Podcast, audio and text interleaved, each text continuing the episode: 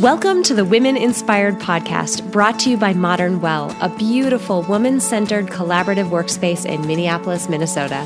I'm your host, April Seifert, psychologist, entrepreneur, and self proclaimed life experience junkie. Each week, I will introduce you to a different woman who is succeeding and inspiring others in one way or another.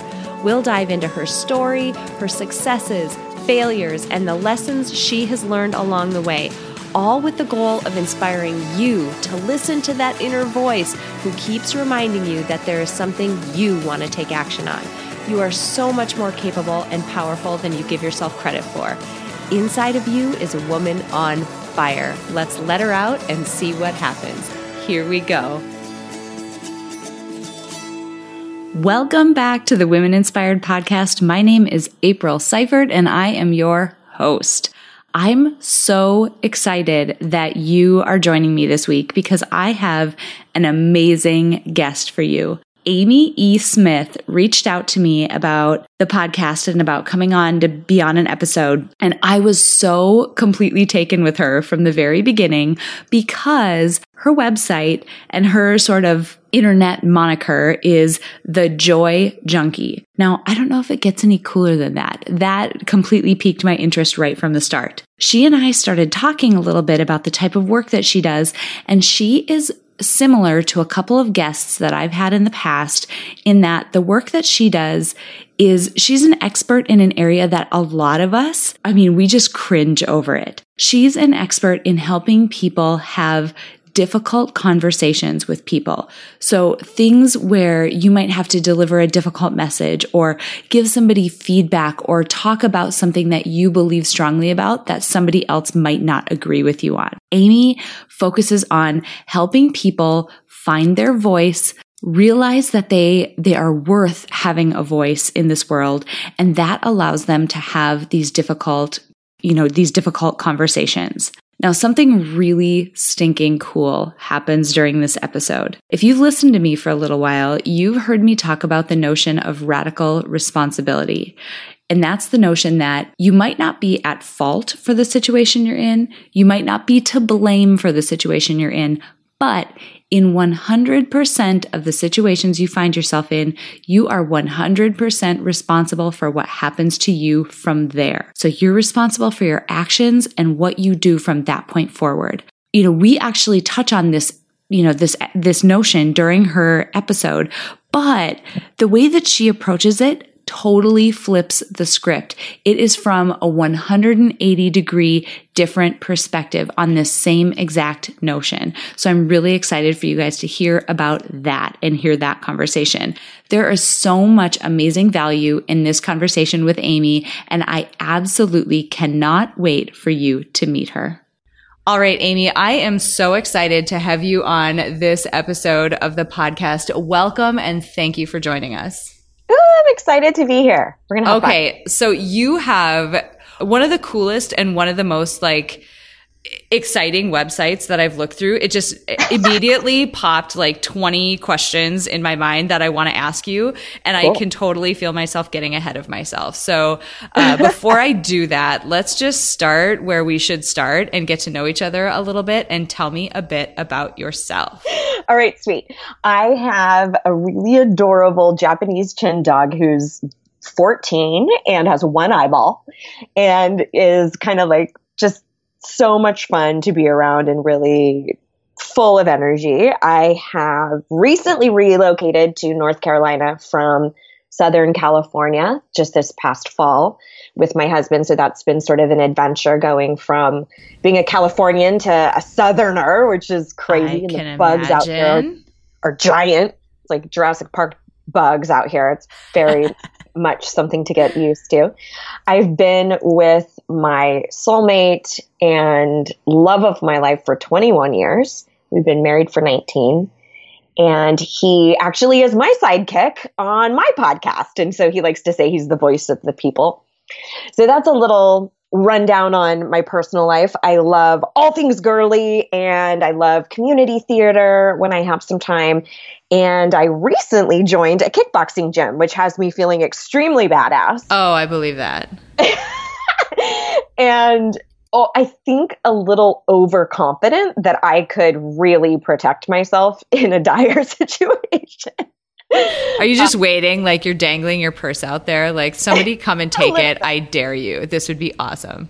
A little bit, a little, little cocky. So I need to watch myself. Um, and so that's a little bit who I am kind of in this world. And I also feel very strongly that one of the reasons why coaching as a modality was so enrapturing to me in my career was this idea that I get to be the exact same woman in my business that I am with my best friends and in theater and with my husband. And that really my job was one of authenticity. And I kind of went, holy shit, sign me up, which is why when you go to my site, it's very clear who I am. I'm not trying to be this stoic, like, oh, we do business coaching here. You know, it's a very, what you see is what you get. And a lot of that really permeates the message that I am helping my clients with, which is this idea that you are valuable, you have intrinsic natural worth that you don't have to fight for. You just have to acknowledge that you're already enough, you're already valuable.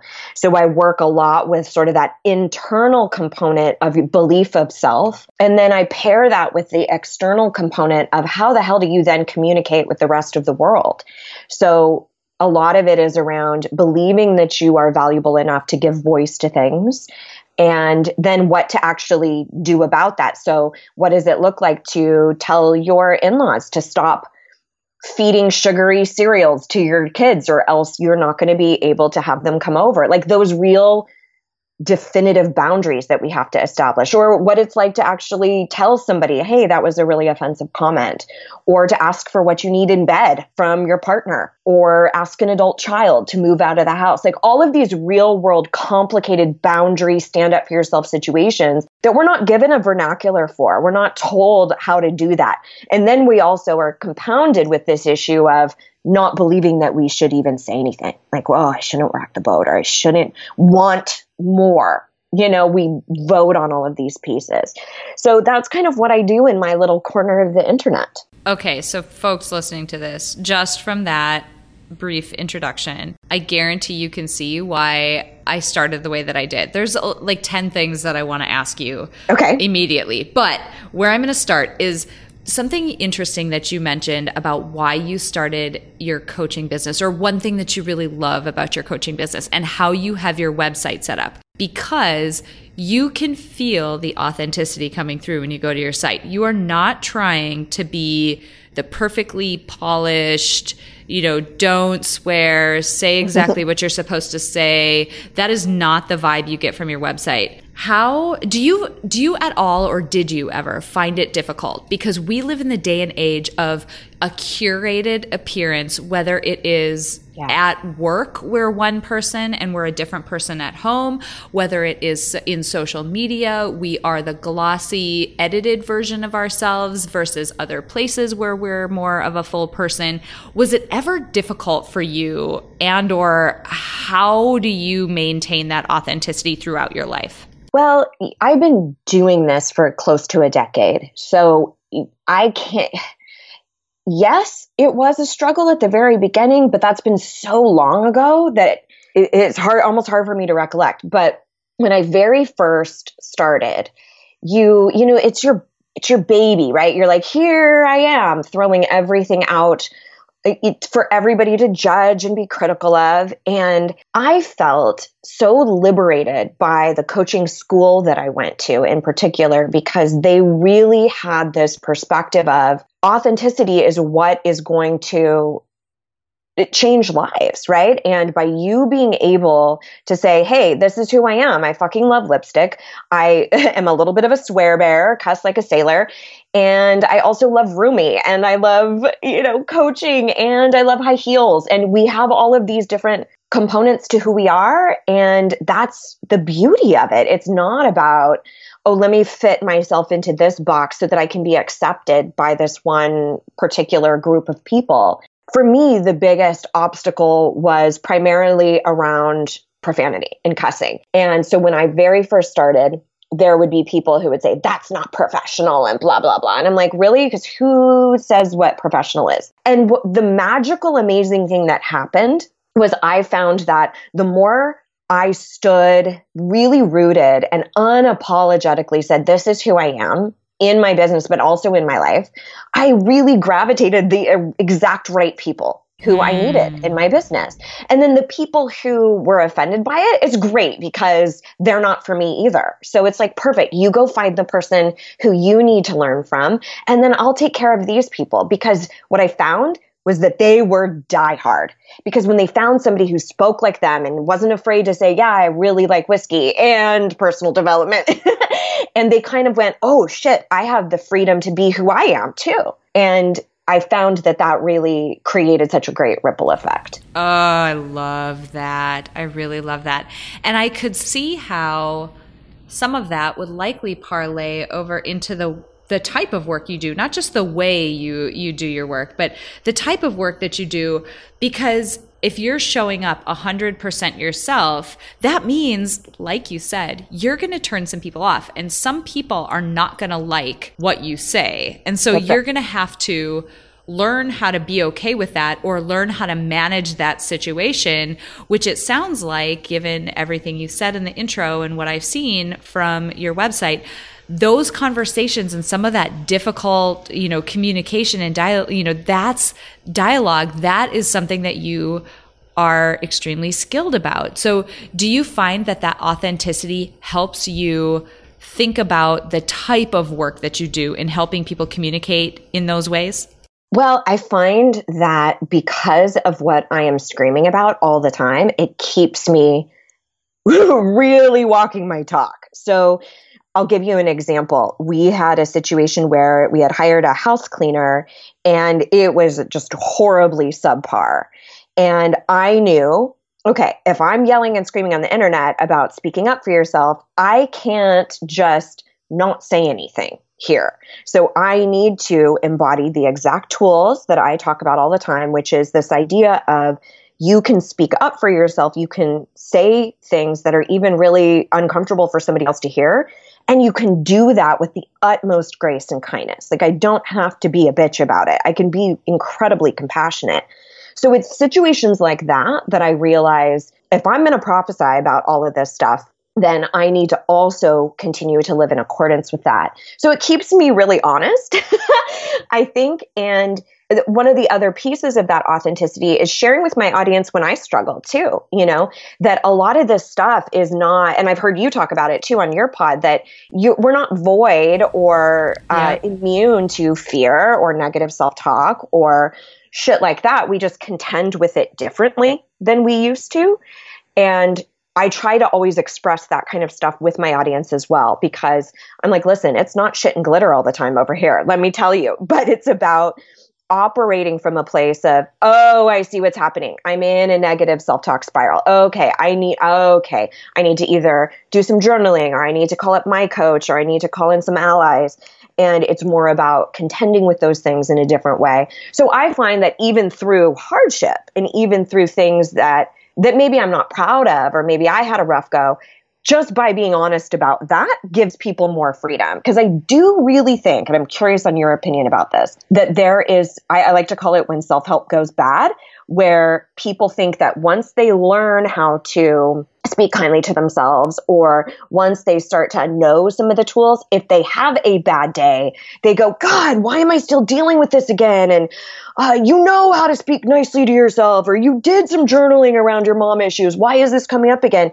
And we think that we become infallible and invincible. And what's really happening is we're just learning a new way to engage with hardship that is far more empowering than how we used to. Yeah, I totally agree. And it, I mean, too, it's exactly what you said. No one is immune. I mean, no one is immune from hardship. No one's immune from having, you know, thoughts creep in or eh, having other people bring their stuff to your life like that. There's so many things that are out of our control and so many things that can hit you unexpectedly, yeah. but it's what you do from there and how you handle it. And I think what I've found is that the more I've been, and I don't even know what this space is. I don't even know if you'll call it the self help space space, or maybe it's even broader than that, the more that I've been working on myself, put it that way, the more that I've you know, worked on techniques and tried different things, the more adaptive I find that I am. So I absolutely hold myself to way too high of a standard and completely can tear myself down more than anybody else can. But you get quicker at recognizing it and you have an arsenal of tools that you can throw at it when things start to happen. So if the first thing doesn't work, you have something else you can try. You have something else you can try. So eh, nobody is immune to these things happening. It's just it's you wouldn't be human if you weren't, you know. Exactly. So why okay, I want to go back to this communication piece because this is fascinating to me. Every once in a while I interview somebody whose area of expertise is an area where the rest of us are like you know, okay, so uh, Vise Bratby was one person. Those of you who have listened to her episode, you know where I'm going with this, but she's a negotiation expert. And people hear negotiation and they're like, damn it. That yeah. sucks so bad. Um, so occasionally there's people who have this superpower in an area where the rest of us just think it sucks to have to operate. And you're one of those people if you're talking about these uncomfortable conversations and these you know difficult times that we have to actually communicate something with somebody else why is this so hard for us? Like, why is it hard for us to say what we mean or say what we think? Like, what have you found are some of the reasons that are at the bottom of this? Well, I I do feel like there's two major major pieces about why we don't speak up in particular. But I will also say, like, if we're looking at it all from a really distilled, rudimentary place, it's that we don't want to be uncomfortable and we anticipate that there's going to be something uncomfortable. Now, sometimes it's likability, like, oh, this person isn't going to like me or approve of me. I'm going to fall out of favor with my boss if I speak up. My in laws won't like me. My children won't like me, right? And what we all have to understand about that is that is how we're wired. I mean, if we look at Maslow's hierarchy of needs, one of our major human needs is a sense of belonging. Mm-hmm. And so and that's definitely primitive man, right? Like if you weren't a part of a community, it did mean that you would die, right? And so now here we are many, many centuries later, and we still think on a primitive level again this is our subconscious mind we don't actually consciously think this but it's if those people don't approve of me i might die you know and so we start to stifle our voice because we don't want to infringe on our safety. But I would say that there really are two major fallacies that people buy into as truth. And so I'd love for everybody to kind of check in and say, am I do do I hold this belief? And one is if I speak up for myself, then I'm being a bitch. That like what I'm saying is actually ill-intended or I'm being mean, uh, and really, the only way to give voice to things is to also be a dick, right? And so we buy into this idea that that we're rude or malicious in some way. The the second piece is that we buy into this idea that we are purposely inflicting pain on somebody. So with any of those examples that I brought up earlier, like let's say you have a conversation I've had a, a very real conversation with my mom about not believing in the religion I was raised in and mm. That is extremely polarizing for yeah. many conversations, right? And laden with so much guilt. And so for me to go through that process and realize like my speaking up for myself or, is really about me choosing me. It's not, let me see how much I can hurt my mother. Let me see how much I can be malicious or ill intended. And I think really understanding that we're not responsible for how we are received. We are responsible for our intention, not our reception. But we get caught up on that. We go, oh, I've got to be received flawlessly at work and flawlessly in the dating scene and flawlessly by all these people in order to gain merit. Then I'll be worthy. Then I'll be happy. Instead of going, no, no, no. Intention, like who does Amy want to be in this world, regardless of how it's accepted? Like, what if that becomes homeostasis? What if that's the new barometer of success? Is like, is Amy happy with Amy? And that changes everything. So I would ask you guys, do you believe, like, okay, if I speak up, then I'm being a dick, or if I speak up, then I am purposely inflicting pain. Because that is the belief we need to start arresting, right? We need to jumble that up a little bit. Oh my gosh, totally.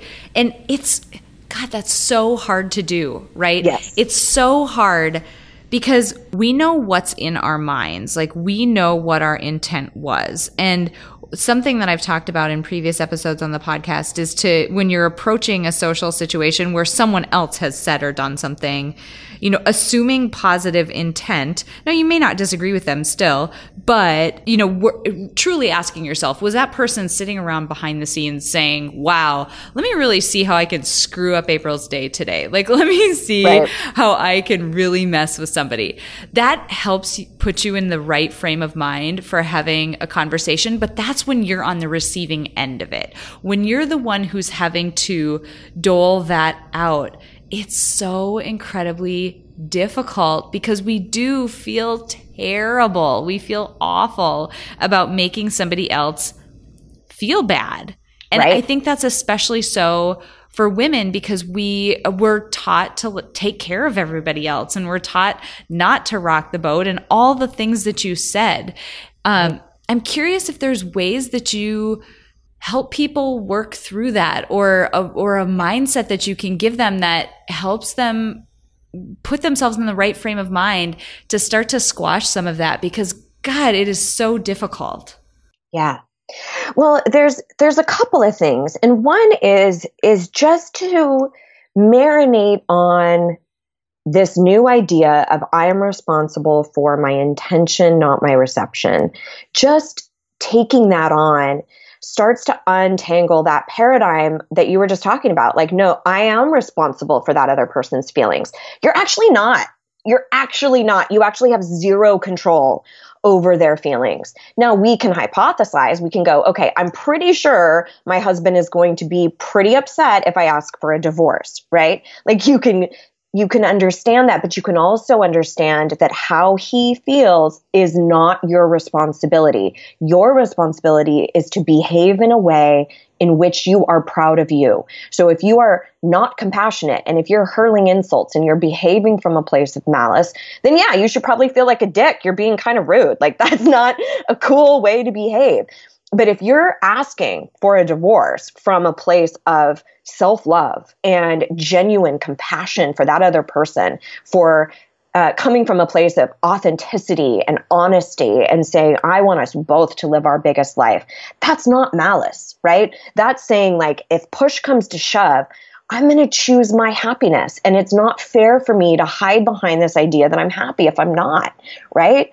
So I think there's sort of this unpacking of, oh, I can actually make other people happy because we can't. It really ultimately is their choice. All we can do is show up in a way that we're really proud of ourselves. The other piece that you mentioned that I think might be helpful for people is this idea of guilt right? So, how many times have you had? I'll just ask you, April. How many times has somebody asked you, like, hey, can you help me move this weekend? Or, hey, can you bake a bunch of cupcakes for this event that's coming up? And you're not able to, and you say something like, I just feel so bad. Mm, I, gosh, all the time. I mean, I all the time. Guilty. Yes. Right?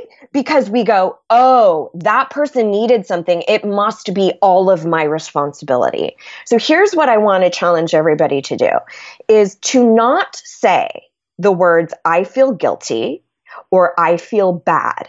Here's what you can say you can say, I feel compassion towards that person. I feel empathy. I feel uncomfortable. I feel unresolved. Something like that, right? Because here's the deal with guilt guilt is reserved for when you've made a mess. Guilt is designed to say, like, hey, April, that was a dick move. Go apologize. Go clean your shit up.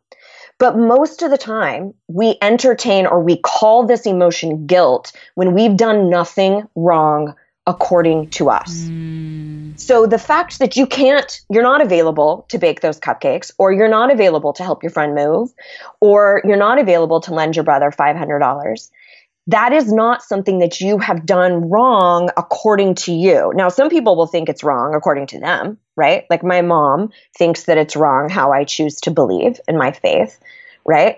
And my barometer is have I done anything unbefitting of me that I need to clean up?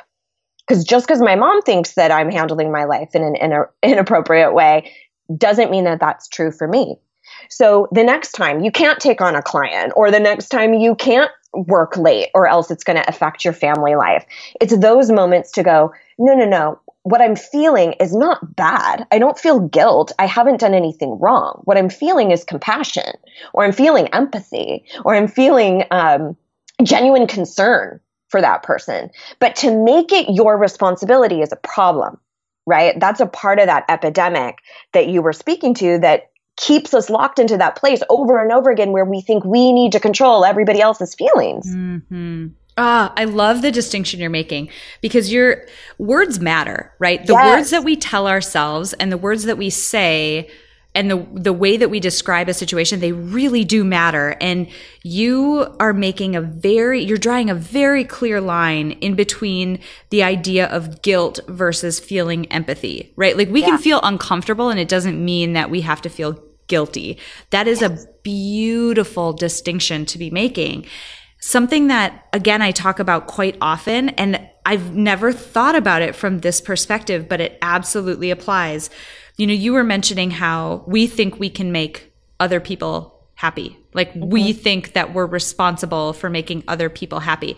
Something that I talk about often on the podcast is this notion of radical responsibility, but typically it's in the opposite direction that, mm.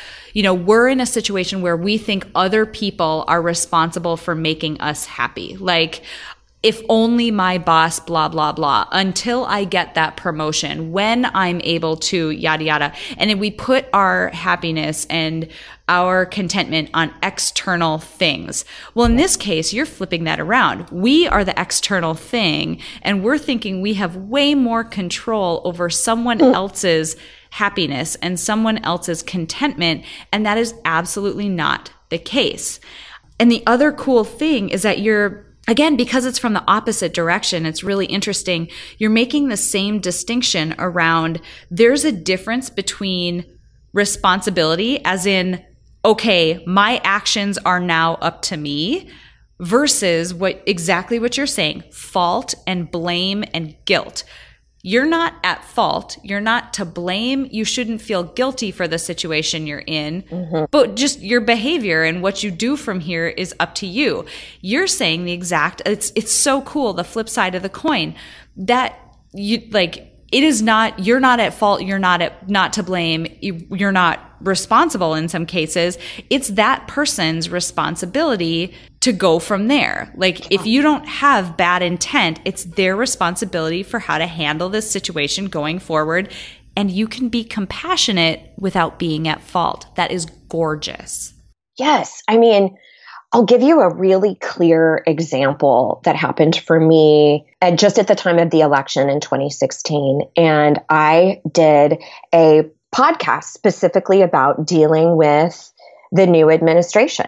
And I was incredibly careful to do a podcast specifically about my cornerstones in my business, which is to stand behind what you believe, but to do all of it with grace and kindness.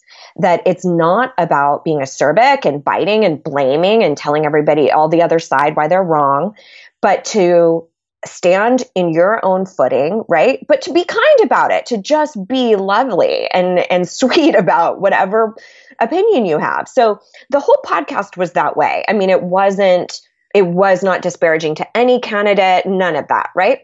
So I put this out into the world and I'm super proud of it. And I get met with reception that's all across the board, right? I have some grouping of people who think it's, you know, the bee's knees and they're like, thank God, I didn't know how I was going to deal with the holidays. Thank you for for putting this out. I got other people who didn't even listen to it clearly because they were wildly offended.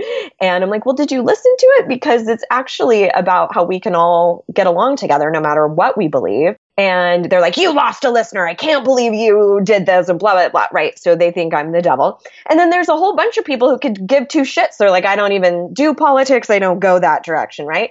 So the point was, if I tried to make all of those people feel something differently, when they're in the throes of their own emotion, they're processing the information through their lens. Now, if I tried to make every single person happy, first of all, I'd be miserable and inauthentic because I wouldn't be giving a shit about what I believe. And it's impossible. Like it's virtually impossible to make all of those people happy. So, what I did, because I've got a wealth of different feedback, is I went internal and I went, okay, would I do things differently? Am I proud of how I conducted myself? Am I proud of that body of work? Is there anything that I need to clean up according to Amy? And so I really looked at it and I went, no, I stand behind this 100%. And then it becomes the the big challenge that we've kind of been dancing around a lot here, April, and it's the idea that there's collateral damage. Sometimes by speaking up for yourself, you have to sit in that uncomfortable feeling of somebody's not happy with you. They don't enjoy your perspective. They don't like the idea. Your parents don't like the idea that you decided not to have kids or that you're going to move to another country or whatever else it might be, right? And so they want to push that on you. It's about checking back in and going, wait a minute how do I feel about this? Am I proud of how it's behaved? Because, like I said, the perception is going to be across the board. That's why you have to kind of go internal. But a lot of times, and I'm sure you see this too, we haven't been cultivating a relationship with the internal, right? We've been chasing the baby and the house and the spouse and the perfect career because that's what society told us was going to lead to happiness. So no wonder you get in your 30s and you're like, what the fuck? I checked off all the boxes. Yep. Why am I not happy? Because we've been searching for it to be approval externally instead of really nurturing that relationship with self. And I think there's an interesting connection here. I agree with everything you just said. And I think there's an interesting connection here to something that you said much, much earlier in the interview that I definitely want to touch on. So, in what you just said, you the underlying point is you're asking yourself, Am I proud? Because, and what you're saying is, my opinion about my behavior and my opinion about how I handled the situation fundamentally matters. What we're taught is to look as you're saying, externally at other people and take their opinions and their assessments of the situation and give them much greater weight or all the weight. Yes. Compared to our own opinion. We don't ever value ourselves. We look for other to other people for advice. We look to other people to tell us what to do. We look to other people to tell us whether they agree or they think something we've done is good or not or whatever. And that's how we assess our situation. And where i think it's interesting is early on in the interview you mentioned the notion of how much we value ourselves and the degree to which we see I'm reading into this a little bit now, but the degree to which we see ourselves as uh, you know, a whole person who deserves to have opinions and make noise and take up space and yep. be here as a whole human being. And I think those two things are so connected. The more likely, the more you see yourself as a legitimate whole human being who's worthy of making wave their own waves in whatever shape they take, it's likely easier to rely on your own opinion. Do you find that with people that you work with? I'd love to hear your perspective on that. Oh my gosh, yes. Yes, yeah, I was just going preach, April, preach. Yes, because that is in fact the programs that I take people through whether it's one-on-one or you know in a group environment we do that in that exact chronology. We start with what is all the shit that's happening internally right now? Like, do you at your core believe that you are not enough? Because, spoiler alert, that's most people's limiting belief. That who I am is simply just not good enough, which, by the way, what the fuck is good enough? Like, who tells you? Like, oh, and it's heartbreaking to think that, right? Like, that is heartbreaking to walk around thinking that about yourself. That's right. And that very much influences absolutely every way that you engage with the world. If you do not believe at your core that you are valuable, that is going to affect if you put your name in for a promotion or it's going to affect how you agonize all the way until you go to the interview for that promotion, right? And how much shit you talk to yourself. So, yes, it is directly related because I'll tell you what, the people who I know who really do value who they are, they are also standing up for themselves. They are giving voice to the things that matter. They aren't over apologizing or over explaining their choices, their opinions, their stances. They're just rooted in it and they're lovely and kind, right? And everything in our society does not foster this. So that's one of the things that I want to be so incredibly transparent about and really offer to everybody to have such incredible compassion for yourself because where the hell would we learn this? We sure as fuck don't learn it from school. We don't learn it most of the time from our family of origin. We get to this place typically in our 30s and 40s and go, is there anything else out here? Because what? And that's when we get hungry and we start to actually learn about our own growth and what we have the power to change. So please know that the cards really are stacked against us. And when we see that, we can start changing that story. And a lot of it is just perspective. It's just mindset. And you guys can do that. It's totally possible. But yeah, to answer your question, that's typically what I do is we work on all those internal pieces, your beliefs and your relationship to fear and how you speak to yourself. And then we move into how does that relate to boundaries or tough conversations or saying no? Like what is the actual verbiage to use in those scenarios. So it's extremely connected, but that's also why I don't do it the other way around, right? It's like I need you to believe that your voice matters to begin with before I tell you how to tell your mother in law to stop feeding your kid sugary shit. I love it. Oh my God, I love it. So, as I'm thinking about the work that you're doing, you know, you've got your website is out there, you've got programs out there what do you see like when you look into the future for you? Like when you really cast a big bold vision for yourself where do you see ms amy going? What's your like big grand plan for world domination? Ooh, i love this question. For me the the end result or kind of like the big dream end goal has always been in speaking. And it's something that i absolutely love and gets me really fired up. And I've also been so focused on all of those programs and, you know, the podcast and all the little internet marketing stuff that we're supposed to do, right? Um, and that I've really enjoyed and thrived in. But the big, big picture is I want, I want to die with somebody like having to drag me off the stage because I love that. I really do. So it would be writing and speaking and, and traveling. But then on a kind of a personal note, I want to have the expanse just in my schedule where I can do more community theater because that that does take up a decent amount of time. Um, I would like to eventually teach kickboxing. You know, there's pieces of my personal life that will be freed up and amplified if I'm able to, you know, scale my business as such. So, yeah, though, you know, it's really more about time, time to get involved mm. with philanthropy and, and political movements that I care about, things like that. Um, yeah, and being able to help people do this and realize, like, no, your voice matters. I mean, it's just so huge to me. Absolutely. Well, and time, I mean, you nailed it. Time's the most non renewable thing on the planet. We're not getting any more of it. So, as much as we can do to use the time that we have, it's, it's huge.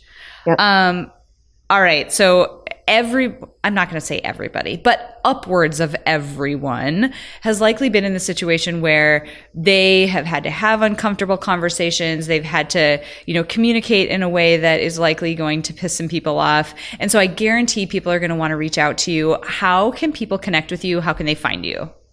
Yeah, so my whole kind of corner of the internet is over at thejoyjunkie.com and junkie is J U N K I E. And that's kind of the hub. So there is tons of free shit over there. I have a an ebook that is essentially a workbook actually and you can also download it in audiobook format as well. And it's essentially about specific steps and tools that you can use. There's nine different challenges essentially that can help you speak up for yourself without being an asshole with a lot of the stuff that we've talked about today. So you can kind of pick one little challenge to start getting you into action because I feel so strongly that there's a lot of really great ideas in personal development and not much tangible step by step. Here's how you actually do it. Mm. That's incredibly important to me. And you'll also find that I do the exact same thing on my podcast every week. So you can kind of find all of that stuff over there and I would be so incredibly honored to have you come hang out. And and I do podcasts specifically on this like specifically on how to say no specifically on how to the hell to deal with your family during the holidays how to you know all of these sorts of things that we've talked about today. All the stuff that we're all super comfortable with and just have no problems doing whatsoever. Well, you know what April? Like I was having a conversation with my best friend about this and I said you know what it's not that I don't still have that trepidation or that I don't still have like a racing heartbeat if I have to say something uncomfortable to my mom or a family member or something. It's that I consistently choose courage every single time. And that I'm like, okay, I'm scared, but I'm going to do it anyway because I operate under this mantra of do not allow my silence to make me a liar.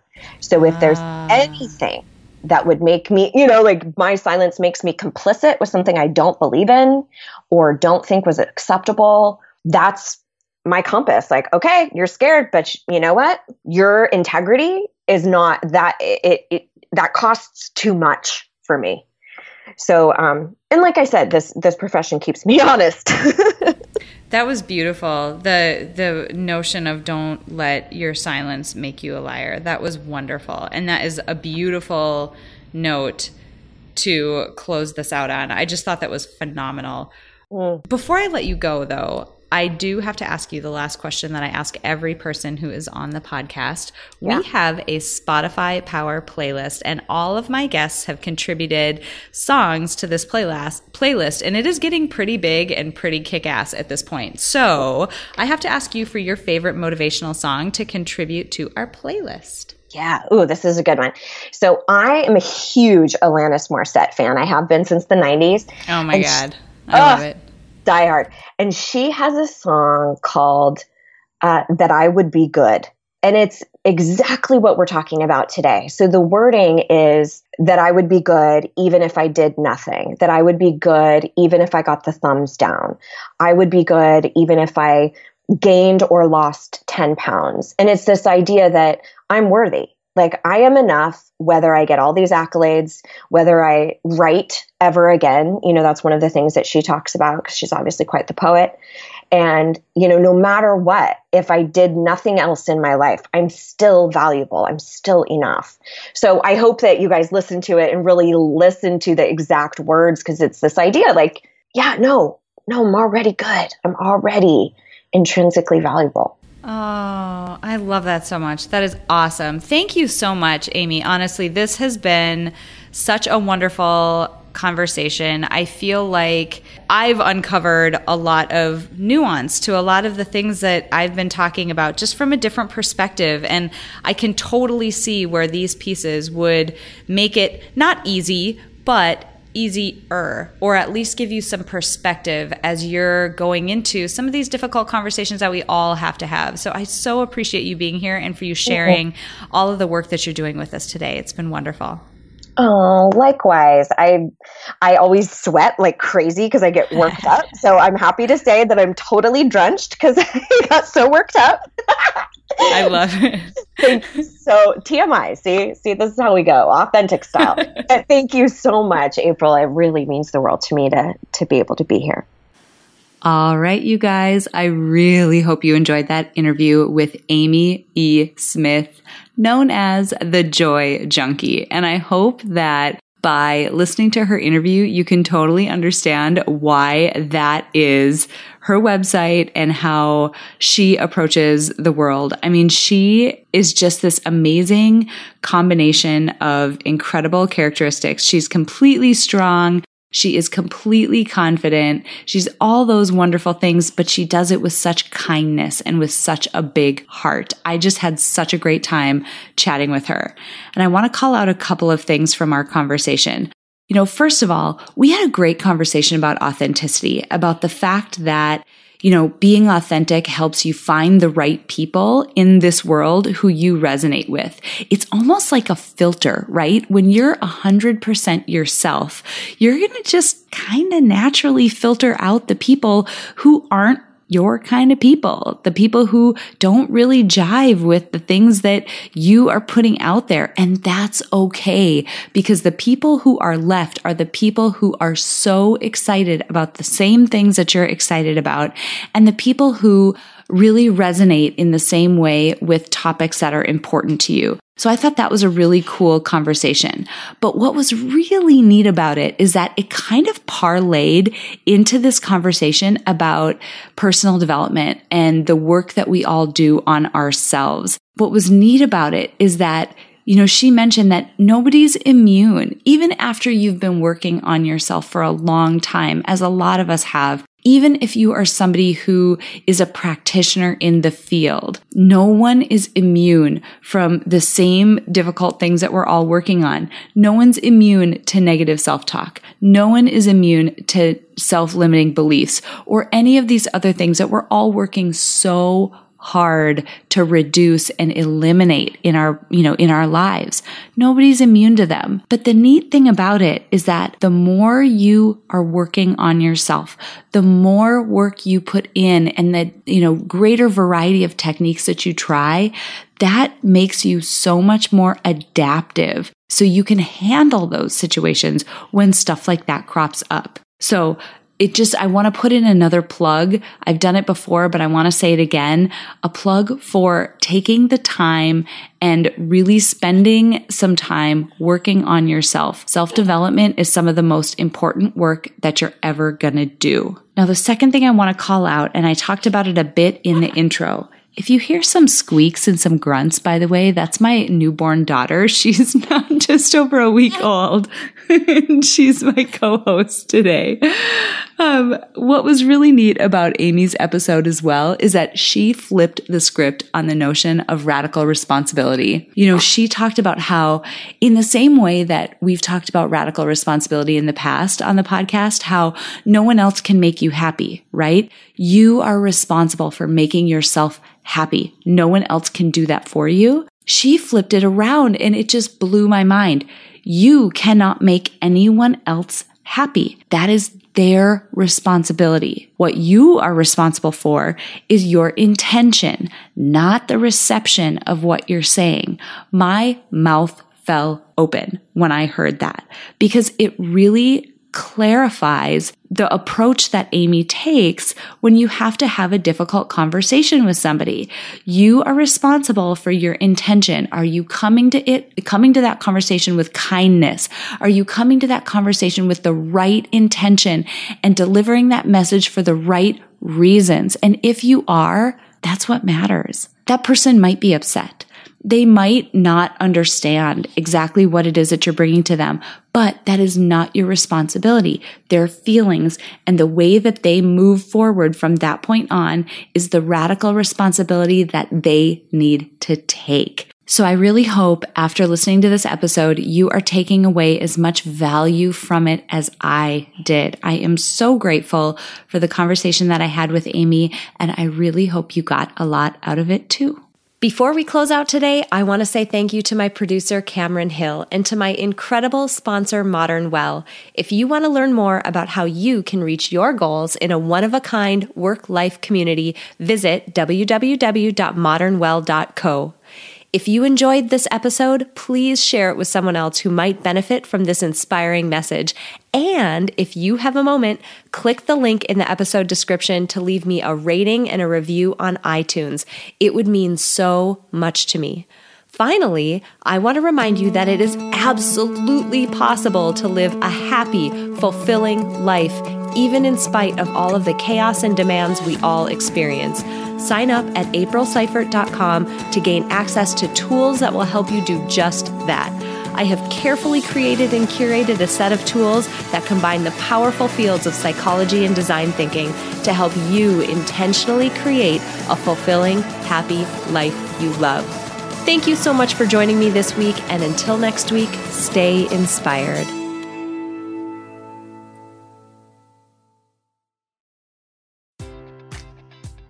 Enjoy all your favorite sports like never before at BetMGM. Sign up using code CHAMPION and receive up to $1,500 back in bonus bets if you don't win your first bet. When you register with BetMGM, you'll get instant access to a variety of parlay selection features, live betting options, and the best daily promotions in the business. And with BetMGM at your fingertips, every play and every game matters more than ever. Remember to use code CHAMPION and receive up to $1,500 back in bonus bets if you don't win your first bet. Place your money line, prop, or parlay bets with the king of sportsbooks today. BetMGM and GameSense remind you to play responsibly. See BetMGM.com for terms. 21 plus only, Virginia only. New customer offer, subject to eligibility requirements. Rewards are non withdrawable bonus bets that expire in seven days. Gambling problem? Call 1 800 Gambler. Promotion, promotional offer not available in Washington, D.C. At Parker, our purpose is simple.